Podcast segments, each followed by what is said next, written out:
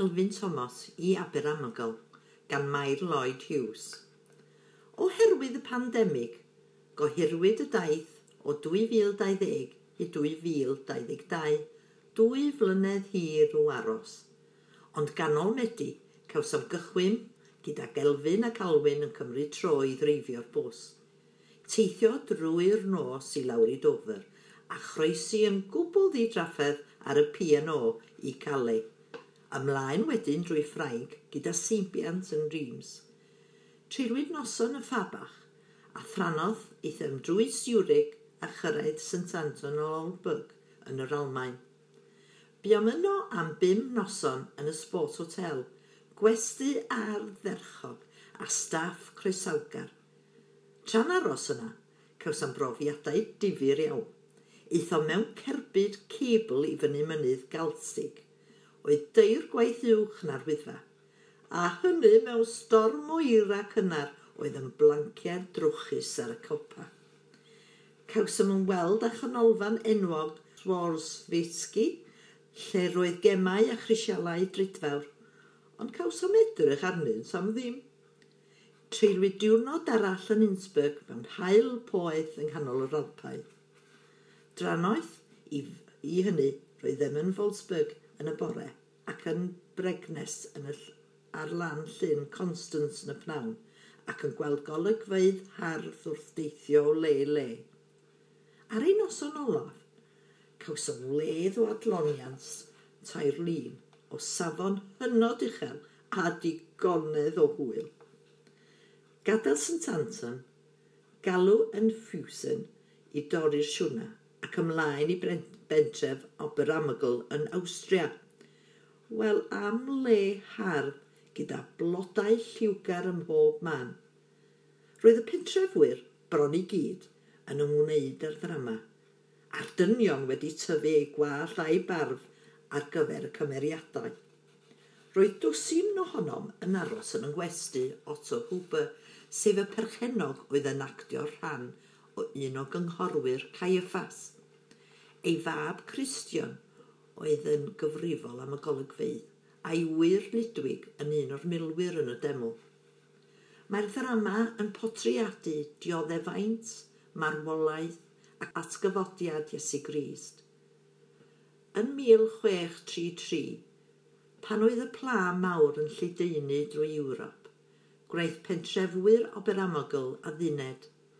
Pe baent yn cael ei hachu prag y pla, fe fyddant yn dathlu hynny drwy berfformio drama'r dioddefaint bob degawd, ac fe wnaed hynny yn ddi-dor ar wahân i gyfnod y ddau ryfel byd ac yna oherwydd y Covid. Dwi erioed wedi bod mewn theatr gyffelib, y llidfa dan do a'r llwyfan, ta lled cae peldroed, yn yr awyr agored.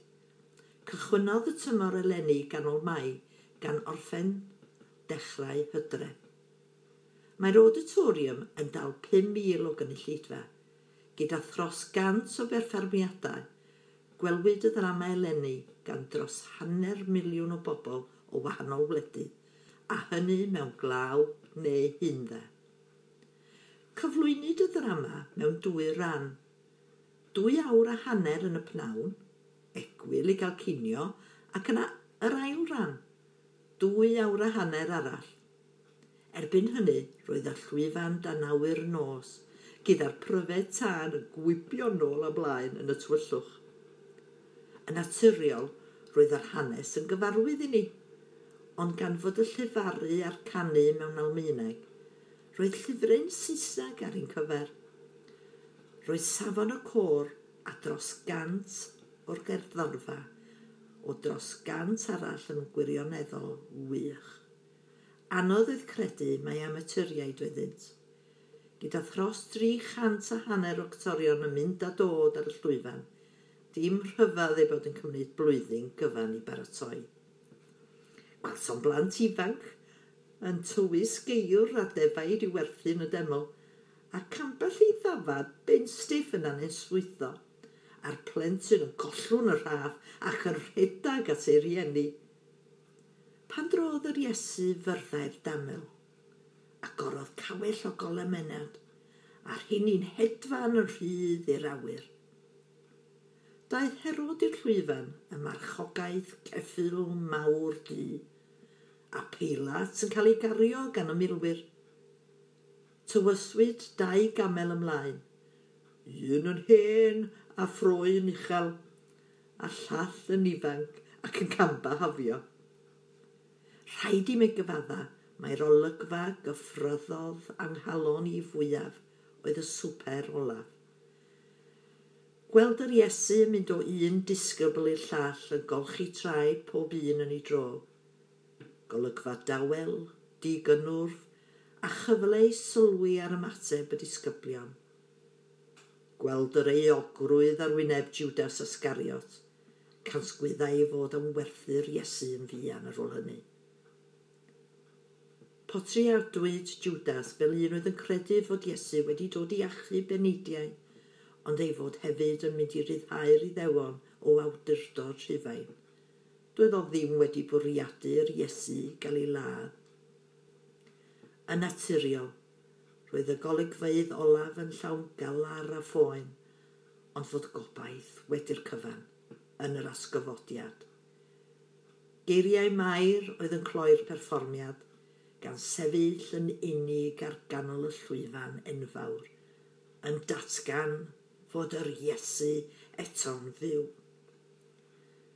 Ar ddrama oedd ei chafbwynt gwyliau campus, a diolch wnawn am gyfareddol daith. Wrth rannu'r hanes, bydd yr holl atgofion yn aros yno am flynyddoedd maith.